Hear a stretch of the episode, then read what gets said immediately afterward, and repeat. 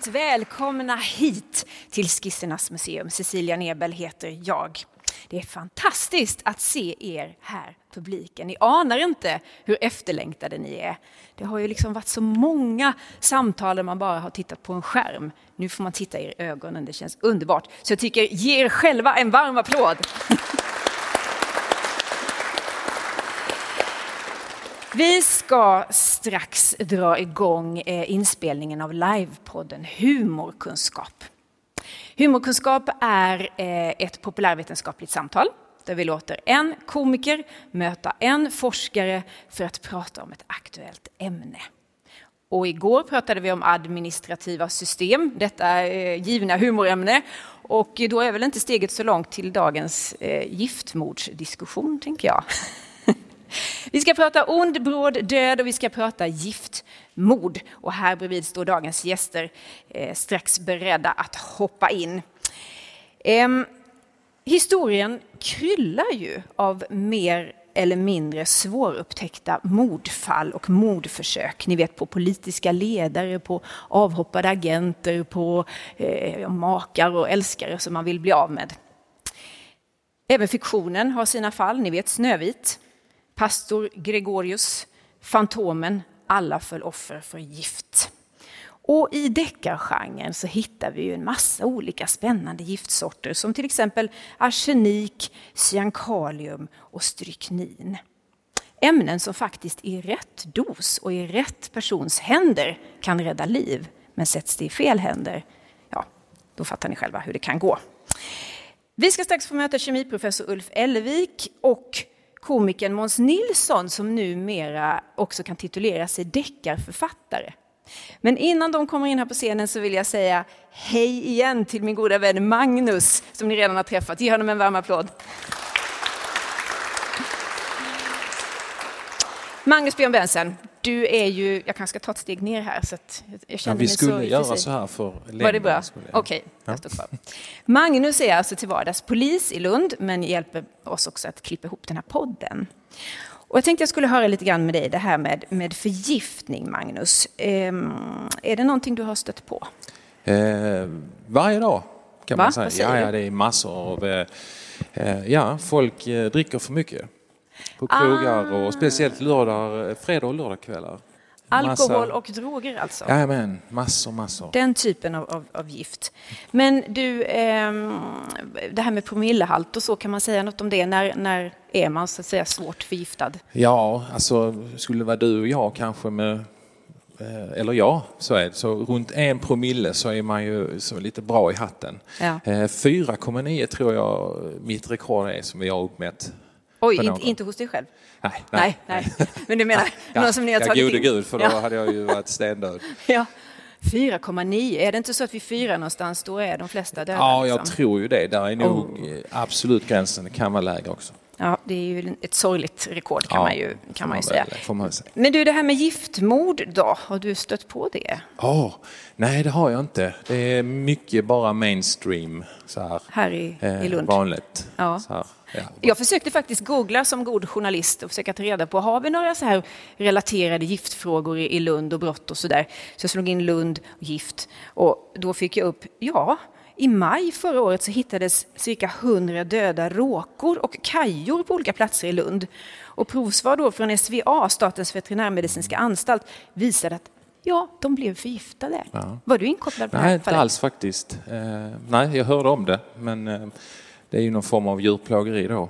Ja, ja. Ja, Mm, det faller inte under Nej, din uppgift? Nej, det ja, inte. Men det här med att vara polis och man kan ju faktiskt råka illa ut. Vi hade ju det här fallet i, i Salisbury, ni vet, med den före detta ryska agenten Sergej Skripal och hans dotter Julia som blev svårt förgiftade. Och polisen som kom dit, han råkade också väldigt illa ut. Mm. Är det där någonting man tänker på i sin eh, polisutövning, att det kan Nej. hända? Nej, inte, inte direkt så, utan man blir ju väldigt eh, van vid saker och ting. Händer ingenting så tappar man ju lite i sin vaksamhet. Och gift och sånt, ja det händer ju att vi stöter på i sammanhang, man går in i en lägenhet där man faktiskt kokar narkotika eller någonting annat, där man har eh, väldigt konstiga kemikalier. Så det är väl då. Men jag vet något fall där man har smetat på någonting på ett polisbilshandtag. Där den här polisen for väldigt illa av det.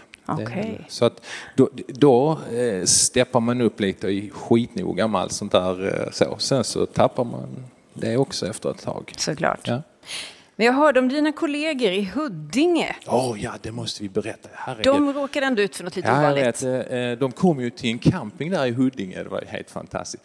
Och då eh, var där en, eh, en kvinna som var helt naken och skrek. En låg och krälade på marken och en stod ju med underbett och, och svarta ögon med en hammare i handen. Så de trodde det var ett sånt zombie-apokalyps där ju. Eh, Men detta visade ju sig vara då att man hade gjort en anrättning på en eh, panterflugsvamp. Eh, Så när de hade då till slut fattat vad det här handlar om och lastat i ambulansen så sa han så sa den ene ryssen då så no, no good visit in Sweden. och det får man väl ändå hålla med om.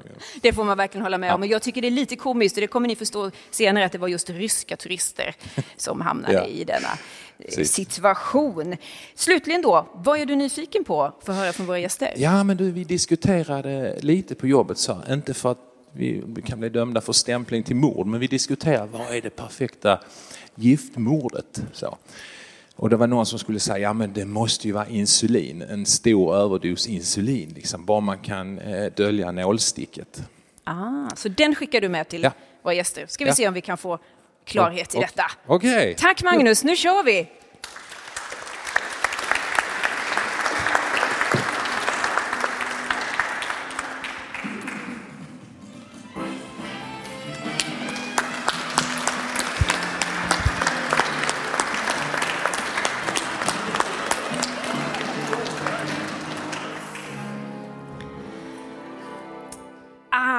Varmt välkomna hit ska ni vara, Måns Nilsson, komiker, deckarförfattare och Ulf Elvik, professor i kemi. Tack! Tack så mycket. underbart att ha er här. Ja. Underbart att vara här. Eh, ni brinner ju båda två för att göra saker begripliga. Måns, du tillsammans med Anders i radioprogrammet och podden showen Så funkar det. Just det. Du, hur många avsnitt har det blivit? Ja, det har jag väl ingen aning om. Eh, Hur känns det liksom? jag sådär, gjorde ett radioprogram en gång i P3 som hette Så funkar det. Då gjorde vi massa. Sen gjorde vi hundra poddar. Nu har vi bytt namn. Så nu heter Ja. podden Fråga Anders Måns. Så eh, några hundra Ja. avsnitt. Men folk hittar er fortfarande. Ja, inte fullt lika många ärligt talat. Men eh, Fråga Anders Måns heter den. Underbart. Ja. Och Ulf, du är ju en av Lunds universitets mest utåtriktade forskare får man väl lov att säga. Eh, bland annat då medverkar du i tv-programmet Fråga Lund. Hur skiljer sig det från att stå i undervisningssalen? Eller är det same same? Ja, alltså förr så var det rätt stor skillnad. För då, då var det liksom inga kameror vid föreläsningen med kameror på Fröja Lund. Nu, nu är det liksom ingen skillnad egentligen. Nej, nej, det är ju kameror jämt. Liksom. Ja, du kör Så på. att, ja, men lite så. Ja, men egentligen, att, att föreläsa, det är ju lite grann som, som eh, det är ju lite stand-up ändå. Man måste presentera något och försöka lura studenterna att det här är ju faktiskt jättespännande. Man måste hålla liksom igång intresset Ja, men lite så är det. Ja, precis. engagemanget. Visa, ja, men kolla det här, så vi gör så här istället. Så man börjar med någonting och sen får man liksom nästla in kemin där. Precis. Sen har ni ju något mer gemensamt och det är att ni båda är författare. Och Ulf, du har skrivit böcker om, nu ska vi se här, njutning, kärlekens kemi, slem och snor, ond kemi, förgiftningar och magnifika frukostar. Och då undrar jag, speglar det här på något sätt din personlighet? Ja, ja absolut. Och, och liksom hemligheten till, till Vem är jag? Det är min andra bok som då heter Njutning. Ja, för där, där får man liksom svaret på allting. Åh. Ja, och, och då, då är ju då är frukost där såklart, och det är ju, eller mat. Och, menar, slem och snor då? Sex. Ja, men kärlek och sex, det hänger med på den. Där. Och sen, sen kommer, men sen kommer det lite, lite spännande. Det är ju det där att, att det som är farligt, det som är lite äckligt, Mm. det är ju något som pirrar, eller hur? Jag menar, inte läser vi deckare för att vi vill veta mer om liksom, administration i polisen, nej. Utan det är ju lite ond, bråd död vi vill ha. Och det var Säg så- inte det! Administration är ett outtömligt ämne, det det, var, det var så jag tänkte när jag skrev min första bok. Jag menar, kan man skriva en deckare som liksom gör polisarbete intressant, då måste man kunna skriva en bok om, om att göra kemi intressant. Då tänkte jag, okej, ond, bråd död, vi tar det. Just det. Ja. kan varmt rekommendera Ulfs bok som handlar om just gift och giftmord. Man får lära sig otroligt mycket där. Men eh, Måns, du har ju då skrivit här massor för tv och radio och scen och i somras så kom den här underbara pusseldeckaren eh, som heter Döden går på visning i en helt ny deckarserie Mord på Österlen. Ja. Berätta lite, hur kom det här projektet till? Ja, det kom till i Lund. Anna Gram hade en sommarfest för eh, manusförfattare som de jobbade med eller drev olika projekt med. Och jag var där och hamnade bredvid en, en annan rödlätt eh, man eh, som hette Anders. Och Det verkar gå som ett mönster i ditt liv. Ja, precis. Alla heter Anders som jag jobbar med. Och så var vi väldigt trevlig och vi hade mycket gemensamt. Vi var uppvuxna på landet i, i Skåne. Och så drack vi champagne och i slutet av kvällen så var det "Åh, du och jag, vi måste, vi måste göra något tillsammans. Starta band. Ja. Eh. Eh, och det brukar ju aldrig bli något, men vad fan, jag, jag hörde av mig. Och så började vi skissa på en tv-serie. Efter ett tag upptäckte vi, men va, det här är ju en bok. Så på den vägen är det. Precis, och den här boken där driver ni ganska hårt med deckargenren och ni driver med folk som bor på Österlen och lite grann med stockholmare också faktiskt. Ja, vi ser det som en hyllning till pusseldeckargenren som vi båda älskar. Ehm, Men det är klart, alla får en, en släng av sleven. Ja. Alla får, driver vi lite med. Det är ju rätt roligt på några ställen, jag garvar ju högt när, när ni lurar in läsaren i en fälla och sen helt plötsligt iväg i en helt annan riktning. Och det behöver inte vara själva deckaren, det var de andra historierna som var kanske var ännu roligare. All, Ja. Alla personer var lite så jaha, jaha. Ja, men det är härligt Ja, med ja. pusseldeckaren Ja. för att man får... Det är som i Morden i Midsummer och Agatha Christies böcker, att man får unna sig Alltså det måste inte vara socialrealistiskt, och man behöver inte berätta något viktigt, utan man kan unna sig att ha karaktärer som är ganska excentriska och utflippade och, och, och roliga, de olika misstänkta då. Eh, Ja, men verkligen. Och när man läser boken så är det som att läsa ett tv-manus. Jag har förstått att det här ska också bli tv. Ja, eller film. Yellowbird som gjorde Wallander eh, har köpt eh, rättigheterna så det ska spelas in på Österlen, förhoppningsvis Ah. redan nästa sommar. Wow. Och nu är du igång med nästa bok. Ja, nu är det antikhandlare som ligger risigt till. Så varna om ni känner någon. Och det är fantastiskt. Och Ulf, du är också på gång med en ny bok, vet jag. Ja, det kommer nu om några veckor. Förundran, en, en kärleksförklaring till naturvetenskap. Ah. Ja. Underbart. Men vi är ju här för att vi ska fokusera på just giftmorden. Ehm, och jag tänker här, kan det tänkas vara så att något giftmord kan dyka upp i en kommande bok? Alltså pusseldeckare och giftmord, det går hand i hand. Det är ju väldigt ofta som gamla, mm, gamla pusseldeckare heter något med arsenik i titeln. Spetsauers. Nej, jag kommer inte... Ja. En dos stryknin och... Ja, Ja, så exakt. det är ju ja, jättevanligt. Du har säkert statistik på det. De Alltså- vanligaste dödsorsakerna, mord, mord, mordmetoderna i Ja, de gamla klassikerna ligger bra till. Arsenik, stryknin, cyanid. Ja. Ja, ja, så det är ju. Fantasilöst. Ja. Fantasilöst, men det är ju, det kom, vi kommer absolut ha med giftmord Ja. någon gång i, i våra böcker. Så jag är väldigt nyfiken här, Ja. precis, eh, precis som det som ni pratar om, vilka som är lättast att komma undan med. Och det handlar inte om mitt privatliv alls, utan det är ju bara till... Jag får ganska Mina många böcker. sådana samtal. Ja, en kompis skulle skriva en deckare. Mm. Ja, precis. Jag tänkte nämligen så här, att vi den kommande halvtimmen här nu ska ha som en slags giftrådgivning Ja. eh, åt dig Måns. Så Du kan liksom luta dig tillbaka här lite grann. Eh, Så ska vi få höra lite om, om hur man kan göra eller kanske inte ska göra. Vi ska gå till botten med lite olika fall och så. Men jag tänkte vi kanske måste ha en label på eh, det här samtalet. Don't try this at home. Det är Eller rimligt ur så många perspektiv. Alltså. Ja, för det finns de som faktiskt har inspirerats av just deckargenrer och gått bananas. Du har något sånt exempel i boken? Ja, ett, en av de värsta giftmördarna genom, genom alla tider. Eh, han heter Graham Young. Och han börjar när han fyllde 12. Oj! Så, att, eh, ja, så hans efternamn passar ju bra till eh, hans karriär. Så att, eh, så att han började och han, han tyckte ganska illa om sin familj rent allmänt. Så att, och han, till att börja med fick han inte tag på sin, men han fick tag på lite kräkvinsten som gör att man, man mår riktigt illa. Och så fick de då, familjen fick det i små doser hela tiden och mådde kontinuerligt illa i liksom något år. Men sen, sen var det dags att rampa upp det hela. Och då är det lite svårt att veta för att eh, det är liksom ingen som fått något svar från honom på det här men det verkar som att han läste Agatha Christies Den gula hästen. För den kom ut 1961. Och där var, var giftet var tallium. Mm.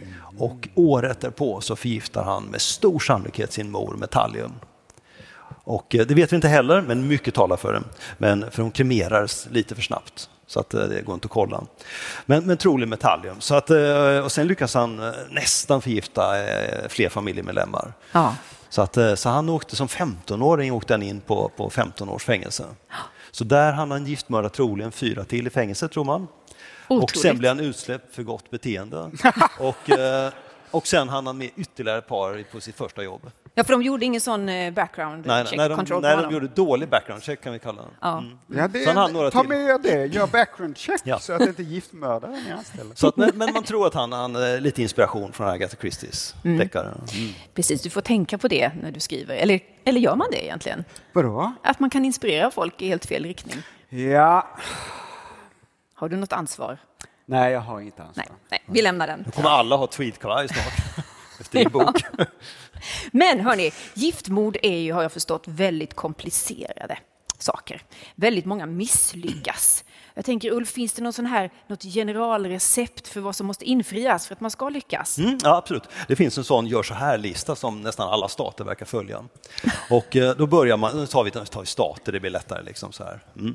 Då, då, är det första, man måste ha ett gift. Det, det, är, liksom, det, är, det är rätt logiskt. Och den där biten det kan ju variera, men vissa saker är oändligt lätt att få tag på.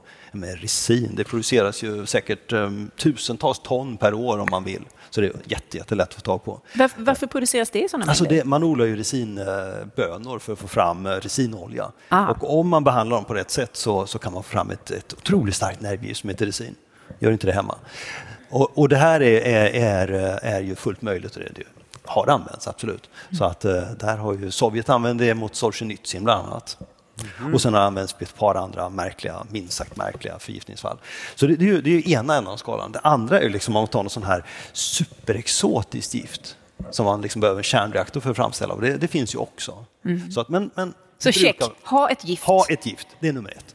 Sen nummer två, och det här är ju den svåraste biten. Här måste ju liksom, någonstans måste ju giftmördaren och offret måste ju på något sätt mötas. Ja. Och allra bäst om de inte är fysiskt på samma plats samtidigt, men att giftet liksom på något sätt överförs här. Och den biten, det är där det oftast går åt skogen. Och sen, sen nummer tre, så måste man ha en flyktplan. Dels så att mördaren kommer iväg och dels så att den som beordrat det är helt oskyldig.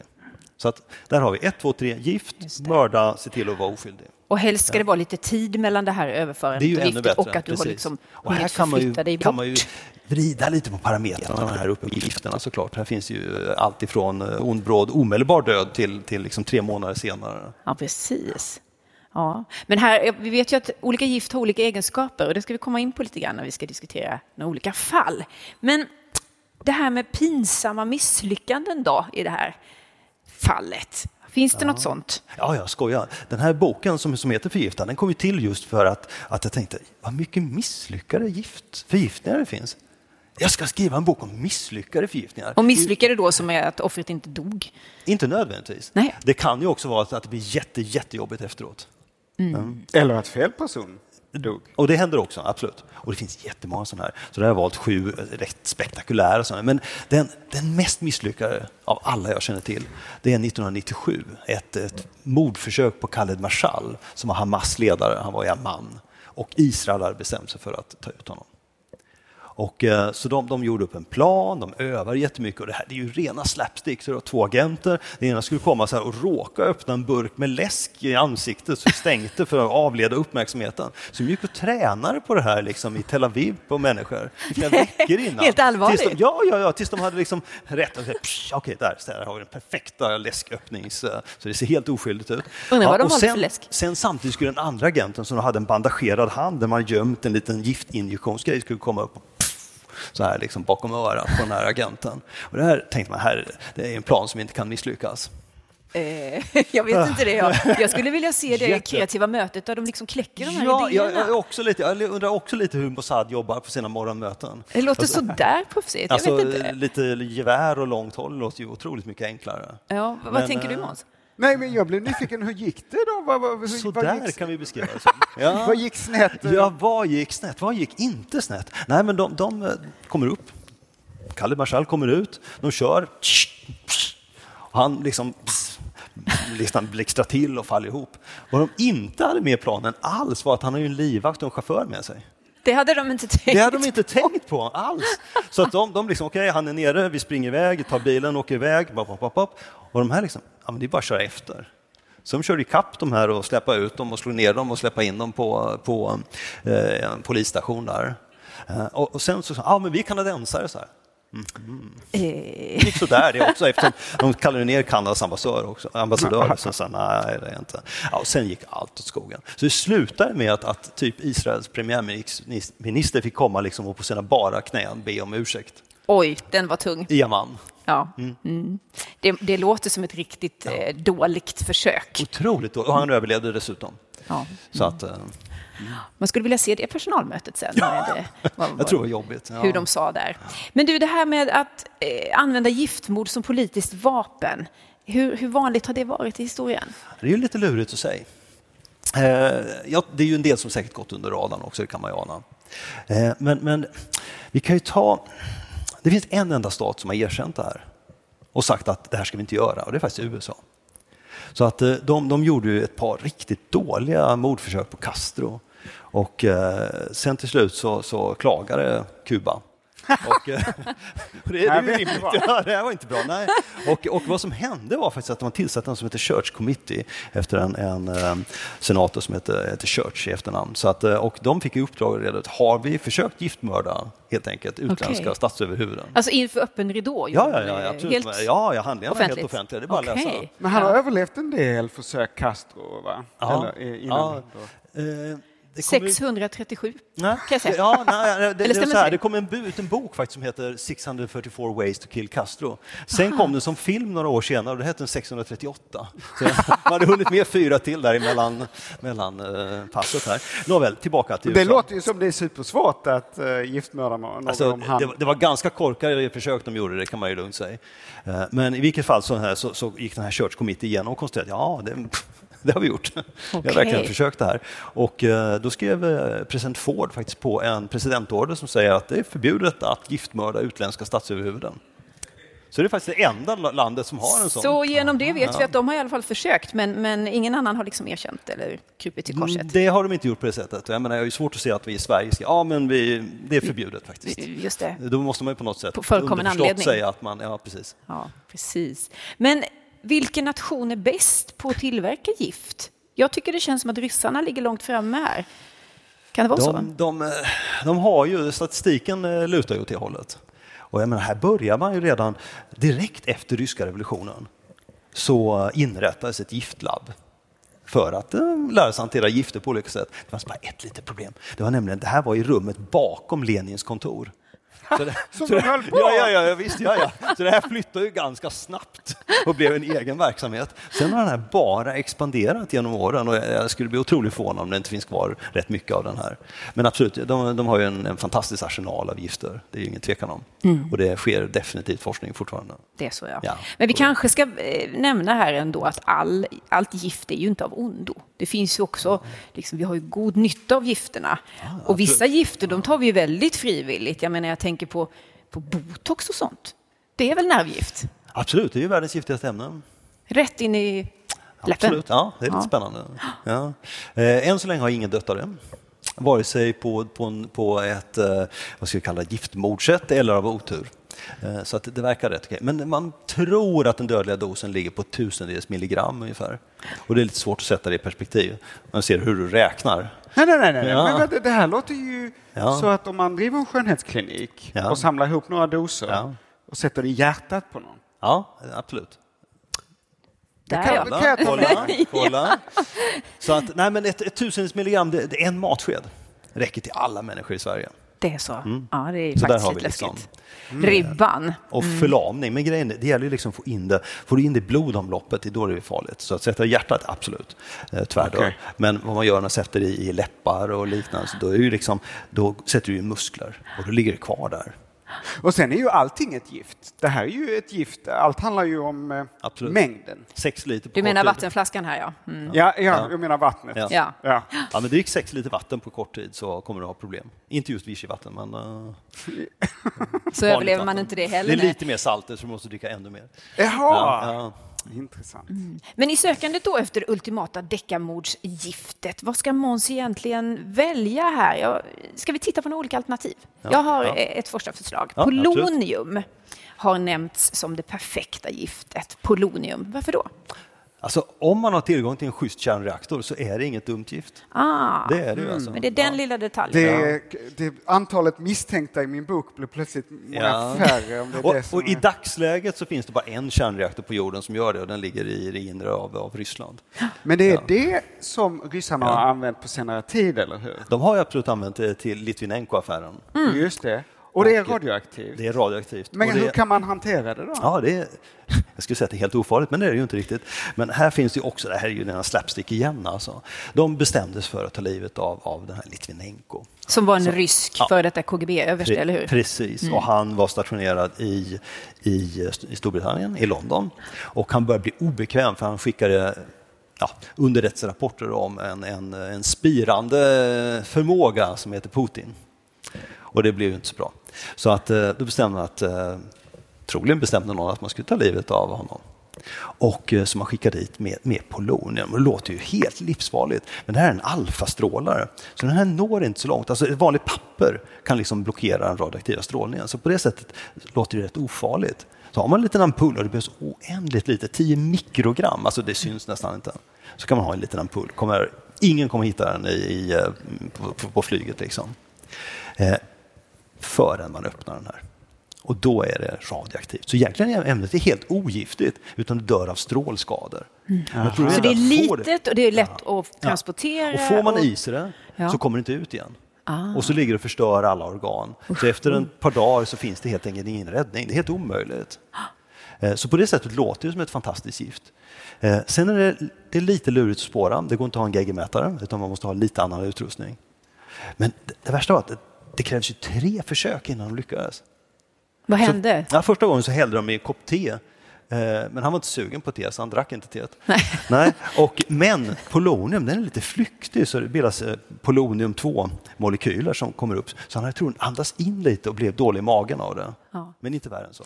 Han fick diarré. Ja, Du men lite försökte så. döda honom, han fick diarré. Ja, Men jag tänker det där hotellet de var på, den där koppen de skulle ta ut med, med teet, och någon har ju hanterat detta. Så att, Ja, vi eh, kommer till det. ja, mm, okej. Sen andra gången så, så kom de inte ens i närheten, men tredje gången så lyckades de. Även den gången med te, dricker aldrig te. Så att eh, de hällde en tekanna på ett hotell i, i, eh, i London igen och sen så drack han det här och så småningom dog då. Men grejen är, precis som ni säger, den här radioaktiviteten alltså. Den är ju överallt. Andra gången när de inte ens fick en chans att hälla en tekanna så hällde de ut i, i handfatet på hotellrummet och Nej, torkade ur med en handduk. Och den där handduken är den mest radioaktiva handduken de har hittat i, någonsin. Liksom. Och de här, de går ju spårare. Den här är ju, när man väl vet vad man letar efter, det är jättelätt att hitta. Så att de här agenterna, alltså man visste ju till och med vilken nattklubb de varit på. De var självlysande genom Ja, ja, ja, men London-natten absolut, där. ja. Ja. Det, det, det, de, kunde, de kunde gå in med mätare och kolla vilka platser de har haft på flyget. På det ena flyget. För det andra, det var nämligen ett brittiskt flyg när de flög tillbaka, men de flög till London så var det Aeroflot och det planet har aldrig mer lämnat eh, Ryssland. Men måste det här hade varit svårt att väga in i en deckare. Det är väldigt Mm. många komponenter. Ja, det här kommer jag nog inte använda.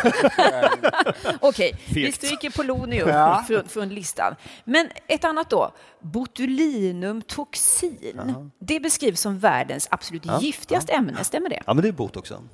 Ja, det är ju botox. Det är ju botoxen, ja, precis. Precis. Ja. Och den där är också lite lurig. Alltså det att du få tag på via, på det sätt som säger, med injektioner.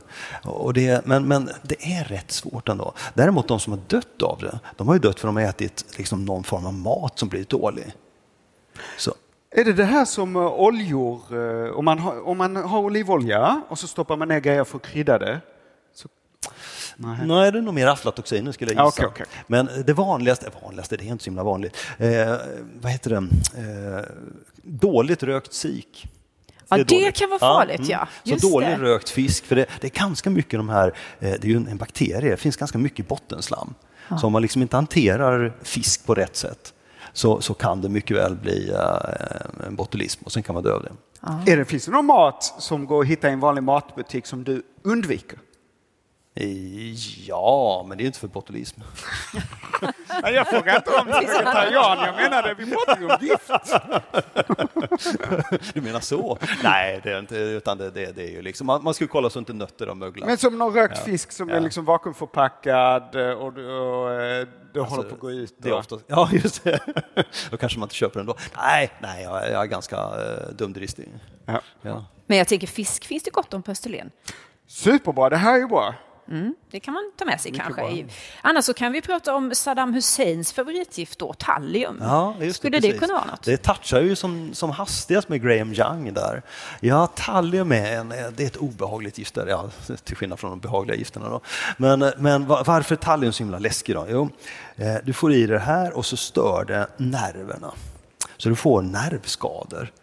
Så att eh, det blir jättemärkligt. Till börja med ser det mest ut som en, de flesta förgiftningar ser mest ut som en, en magsjuka. Men sen blir det liksom värre och värre.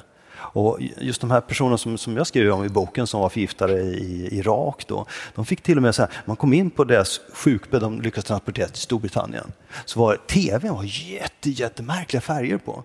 För det har gått på liksom synnerven som såg helt andra färger, försökt ställa in den så den blev bättre. Så att det är jätte, jättekonstiga effekter. Oj. Så att, så att tallium är eh, svårt att få tag på i eh, Europa. Jättevanligt i andra delar, det är råttgift i stora delar av världen. Så just i Mellanöstern är det, är det ganska lätt att få tag på just tallium. Sker förgiftningar lite då och då. Det är så. Men jag tycker det är ganska intressant med det här eh, namnet tallium. För att det finns parfymer Ja. som heter tallium. Herrparfymer. Ja, snacka om dålig research. Ja, så varför? Ja, alltså dels tappar man håret och dels så blir man steril. Oj. Det är ju precis det man vill ha av en parfym. Liksom. Det, är, det är kanske den sämsta researchen jag har sett på varumärke. Och tre stycken, det är helt obegripligt. Liksom. Ja, det låter. Ja. Men är det inte så att din fru samlar på parfymer? Har du inventerat hemma? Jag eh, har kollat, men hon, hon hade inte just tallium. Nej, okej. Nej, det var väl Det kanske kan tur det då. för. Vilket gift ger allra minst spår? Kan man säga Ja, något om det? exakt. Där kommer vi. Ja, men, och det fick vi, fick vi en fråga här innan om, om insulin och sånt där. Och det, det, det tycker man det är ju perfekt, det måste finnas i kroppen. Liksom. Men det är svårt. För vad händer om vi nu vi säger att vi injicerar något sånt här gift, det måste man göra, det är väldigt svårt att få det på ett annat sätt. Liksom. Man injicerar det här och så gör man på en ställe där det liksom inte syns. Eh, vad händer då? Jo, då, då dör ju personen. Och vad händer då? Jo, då stoppar ju allting. Då stoppar alla processer i kroppen. Och runt injektionsstället där blir ju vävnadsdöd, så tvärtom är det troligen ganska lätt att hitta det här. För det, liksom, det blir sådana jätte, jätteproblem, för där är det superhög koncentration. Så, att, så att jag skulle säga att det inte är eh, så bra gift ändå. Nej, insulin, polis-Magnus, stryk det från eh, Mm. Ja. listan. Men vad är då, vad ger minst spår? Skulle du Alltså, säga? ja, det har ju några... Ja, det här, ja. Men vi klipper bort det här va? Ja, Just ja, det, det så kan jag här, inte bara lova. så här muta, så, det är gift. Ja, och sen kan vi prata lite om... Nej, Eh, skulle jag välja ett, ett, ett eh, gift som verkligen knappt går att hitta? Och det är frågan, vill du ha ett gift som inte går att hitta förresten? Det blir inte så bra deckare heller. Det måste vara någon som visar sig vara smart sen också, eller hur? Ja, men det är nå, alltså, Man kanske kan komma underfund med det på ett annat sätt. Jo, jag vill ja. nog veta detta. Okej, ja, men, men då kör vi så. Ja, Jag skulle, jag skulle använda helium. Ah, åh. Ja, Det var lite roligt. Ja, visst var det Men överraskande? det s- håller man ju på att andas in för att få rolig Precis. röst. Och vad som händer när du andas in helium, det är att du fyller lungorna, allt känns som vanligt, inga problem. Du känner Oj, ja, inte helt, inte helt som Ja, vanligt. man låter rolig, absolut. Ja. Men, men, men förutom det så är allt som vanligt, du känner, du får ingen kvävningskänsla. Och sen helt plötsligt dör du. Nej, För du har liksom inget syre. alltså. Jag har ju sett eh, klipp på Youtube eh, Ja. med folk som gör det för mycket och Ja. tuppar av. Ja, ja, absolut. Eh, Kanske inte dör, men Nej, men, men fortsätter du sen att andas in den här helium, då, då kommer du dö. Och du kommer fortfarande inte få någon sån här känsla av att du liksom måste börja andas igen. Okej, och det är svårt att spåra då? För att- Absolut, för att du andas ju ut det Ja. och till slut det kommer ju liksom pysa ut, det kommer ju vädras ur lungorna ändå. Så att det här är fruktansvärt svårt. För vad de gör sen när de, när de ska ta prov, det är att man kör gaskromatografi på det här. Och då har man helium som bärargas i den här maskinen. Så man kommer aldrig hitta det. Så där har vi den. Wow! Helium. Så de misstänkte att jag ska jobba på Partyland eller någon sån. Precis. Jag ser detta filmiska framför mig Måns. Vi får se vad du hugger på Ja, det här. jag är nyfiken Måns, det är, exakt hur ni ska få i offret helium. Ja. Utan att man märker det. Liksom. Ja. Det kan bli lite slapstick när de liksom bara... Vi får se var det landar. Men, men om vi ska... Mm, som, offret som talar i falsett. Avslöjande. Men hur som helst, om vi då ska förflytta diskussionen lite grann från själva giftet till det här som du var inne på i början också, överförandet. Mm. För det måste ju också klaffa då. Mm. När vi har valt gift så ska vi också liksom få det in i personen på något sätt. Här kan vi också då hämta inspiration från historien. Eh, ett väldigt uppmärksammat fall hette paraplymordet. Och det var då den bulgariska dissidenten Markov som fick sätta livet till här. Berätta lite grann Ulf, hur gick detta till? Ja, för den, den som är nyfiken på, på att se märkliga prylar så finns det ett agentmuseum i Berlin eh, där, där Stasis prylar liksom finns. Och här finns bland annat åtminstone en replika av det här paraplyt. Eh, alternativt så gjorde man flera varianter. Så i princip är det ett paraply som är ombyggt till ett luftgevär. Oj, wow, ja, avancerat. Ja, så att ur spetsen så kommer då en liten, liten kula. Den är liksom en millimeter stor. Och I den kulan så var det borrat två stycken 0,3 mm breda hål och där hade man fyllt i gift. Ett gift som heter resin som vi nämnde som, mm. som eh, hastighet tidigare. Och eh, vad som hände var att, eh, att Markov han, han stod och väntade på bussen i London och så sticker det till i baksidan av låret. Och, eh, ungefär som ett bistick. Ja, och inte mer med det, blödde lite grann, kommer till jobbet och, och um, tittar lite. Sen börjar han må sämre och sämre och så dör han. Och sen när han, det var ju bulgarisk dissident och det är klart att man undrar, det är säkert lite fulspel så att det var en ordentlig obduktion. Eh, men vad de gjorde var att de tog ett, ett vävnadsprov runt det här hålet. Och till att börja med hittade ingenting faktiskt. Det fanns ingenting. Nu skickar de det här till Porton Down som är britternas kemvapenforskningsinstitut. Och ni kan väl ta ett titt också. Och så börjar han gräva lite så ser han en nålspets ser det ut som. Alltså inte spetsen utan, utan huvudet på en nål. Jag tänker, jaha, varför sitter en nål här? Nej, det var ju kulan. Och han tappar kulan, men får tag på den igen. Så att den finns, den här kulan. Oj. Men de hittar ingenting i det. Det var helt tomt. Så att, eh, då var ju frågan, vad... Men det, det är ju egentligen en ledtråd i sig, eller hur? Det här var ju jättelite. Det finns inte så många gifter som är så starka. Mm. Så, att, så att de, de, ett av misstankarna var resin och sen en nära släkting till resin, men de hade inte den hemma som tog resin. Och så sköt de en gris med motsvarande mängd och fick precis samma symptom. Okay. då tänkte man att då, då var det nog så att det var resin trots allt. Men lite djärvt grepp tänker jag, att använda ett paraply. Jag menar, ett paraply kan lätt komma de, på vägar. En månad senare gjorde de om en annan eh, bulgarisk dissident i Paris istället. Då hade de attachéväska i en rulltrappa. Så så Också med ja, det här är riktig agentfilm. Ja, ja nu jag. snackar vi. Det är ju det är nästan parodi på agentfilm, eller hur? Ja, Tintin. Ja, Tintin. Ja, ja, precis. på något sätt. DuPontarna ska ta... Ja. Men vi pratade också om det här fallet inledningsvis i Salisbury. Vad var det de förgiftades av där? Ja, och det, det, det, det, vet vi ju inte. Nej, det är inte färdigutrett. Ja, det är det, men vi vet inte. Eh, det är inte släppt vad det är. Okej. Okay. Eh, alla hävdar, eller sagt, det är släppt vad det är, det är Novichok. Men strukturen för Novichok är inte släppt. Eh, sen finns det, det finns inte så mycket att välja på, så jag, jag, vet med 95 procent sannolikhet vad, vad det är för någonting. Och Novichok är fjärde generationens eh, stridsgaser. Och den här är utvecklad i princip av Sovjetunionen. Eh, helt och hållet utvecklad, vi tar tillbaka storyn ett litet snäpp till. Vad som hände var att, att eh, det kom kemvapenkonventionen. Och I samband med att den skulle signeras så startade ett stort projekt i dåvarande Sovjet för att ta fram saker som kunde gå under radarn. Och då börjar man göra binära stridsmedel. Det vill säga man har en flaska med relativt ofarlig, en med relativt ofarlig och när man häller ihop dem, då blir det nervgas. Mm. Och Novichok är troligen en av dem. Vilket betyder att, att det här är ju ganska lätt att smuggla in. Man tar med någonting i en flaska, något i en annan. Inget av det är farligt, ingenting av det är särskilt olagligt. Man kan inte misstänka något om man kommer på nej, det. Nej, och sen häller man ihop det precis innan användning och då blir det, blir det nervgas. Okay. Och det här är också en historia som man undrar liksom, om det är taget ur en komediserie. Liksom. För de här, de här två agenterna de, de hävdade att de skulle bara titta på domkyrkan i Salisbury. Mm, ja. ja. Och det här har planerat länge, sen biljetterna de köpt dagen innan. Och så åkte de dit liksom och var rekare lite. Sen går de och sprayar någonting på dörrhandtaget, tror man hem till, till, till Skripals hem. Och det skulle då vara detta nervgift? Detta nervgift. Mm. Sen fastnade de här agenterna på hur många kameror som helst och sen åkte de tillbaka och fått medalj och allt möjligt. Men eh, det var inte de som gjorde det, de var bara turister. Otroligt. Men de gjorde en sak till. De hade detta i en, en parfymflaska, ja. eller hur? Ja, lite ironiskt heter den Premier Chou. första dagen. Det typ sista dagen snarare. Kan man säga. Ja. Men vad gjorde de med den där Ja, flaskan? den, den slängde de bara i en container. Nej. Och där hittade en, eh, en man den. Och sa att kolla här är parfym, den tar jag hem till min, eh, min flickvän. Vilket han gjorde. Så hon sprayade den på sig. Och, den, och han fick väl lite på sig också. Och eh, hon dog och han överlevde med en hårsmån. Alltså detta är, ja, det är Så som taget den enda av de som egentligen dog i den här var ju den här stackars kvinnan. För både Skripal och hans dotter överlevde. Mm. Och eh, var Sergej Skripal är just nu ingen som vet. Okej. Utan synnerligen hemliggjort. Mm. Det är Så slutet på denna historien har vi nog inte hört. Det kommer vi säkert återkomma Nej, och, och sen är frågan, man kan ju ta nästa steg.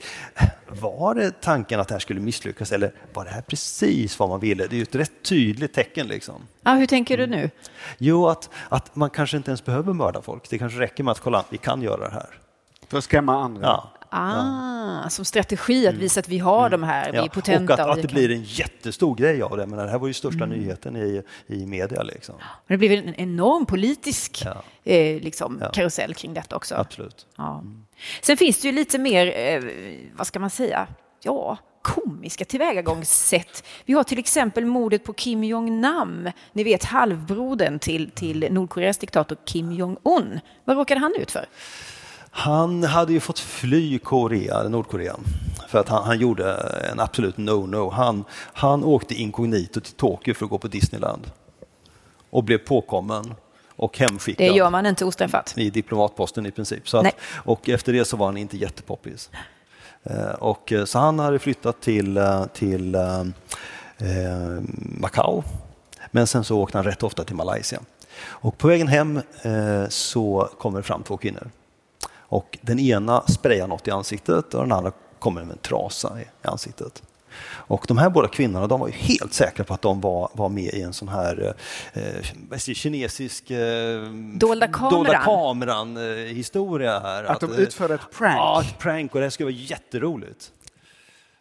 Helt sanslöst. Ja. De trodde att de var med i en tv-serie för att Ja. utföra ett prank. De går fram till den här mannen med den här trasan och sprayar på det här. Ja. Och har, de har ingen aning då eller om vem, vem detta är. Nej, nej, och, och vad, de, vad de hade. Herregud. Och man tror ju att det här är en av de första binära giftmordsattackerna också. Att det var därför de var två. Så att de hade ena halvan av giftet i, i näsduken och andra halvan i flaskan. För ingen av kvinnorna drabbades av någonting. Nej, och det borde de ha gjort det. annars. Så det är också en fiffig metod Precis. för överförandet. Nu, Ah. nu snurrar eh, kuggen. Ja, jag ser Måns Ja. det liksom... Men det verkar ändå vara att det är ett gift som inte vem som helst kan komma över om det är ett sånt här binärt gift. Nej, lite lurigt är det. Ja. Det är lite lurigt. Är det. Ja. Ja, vi får se. Mm. Vi får fundera vidare Måns. Men, men tror ni att de själva, eh, de måste ju någonstans ha förstått att det här verkligen inte var ett prank? Så Efter småningom såklart. gjorde Ja, de ja, ja, de- de det. åkte ju dit. Det kan vi ju lugnt säga. Duktigt Så på att, detta. eh, Ja, det var Men vad, tror ni då?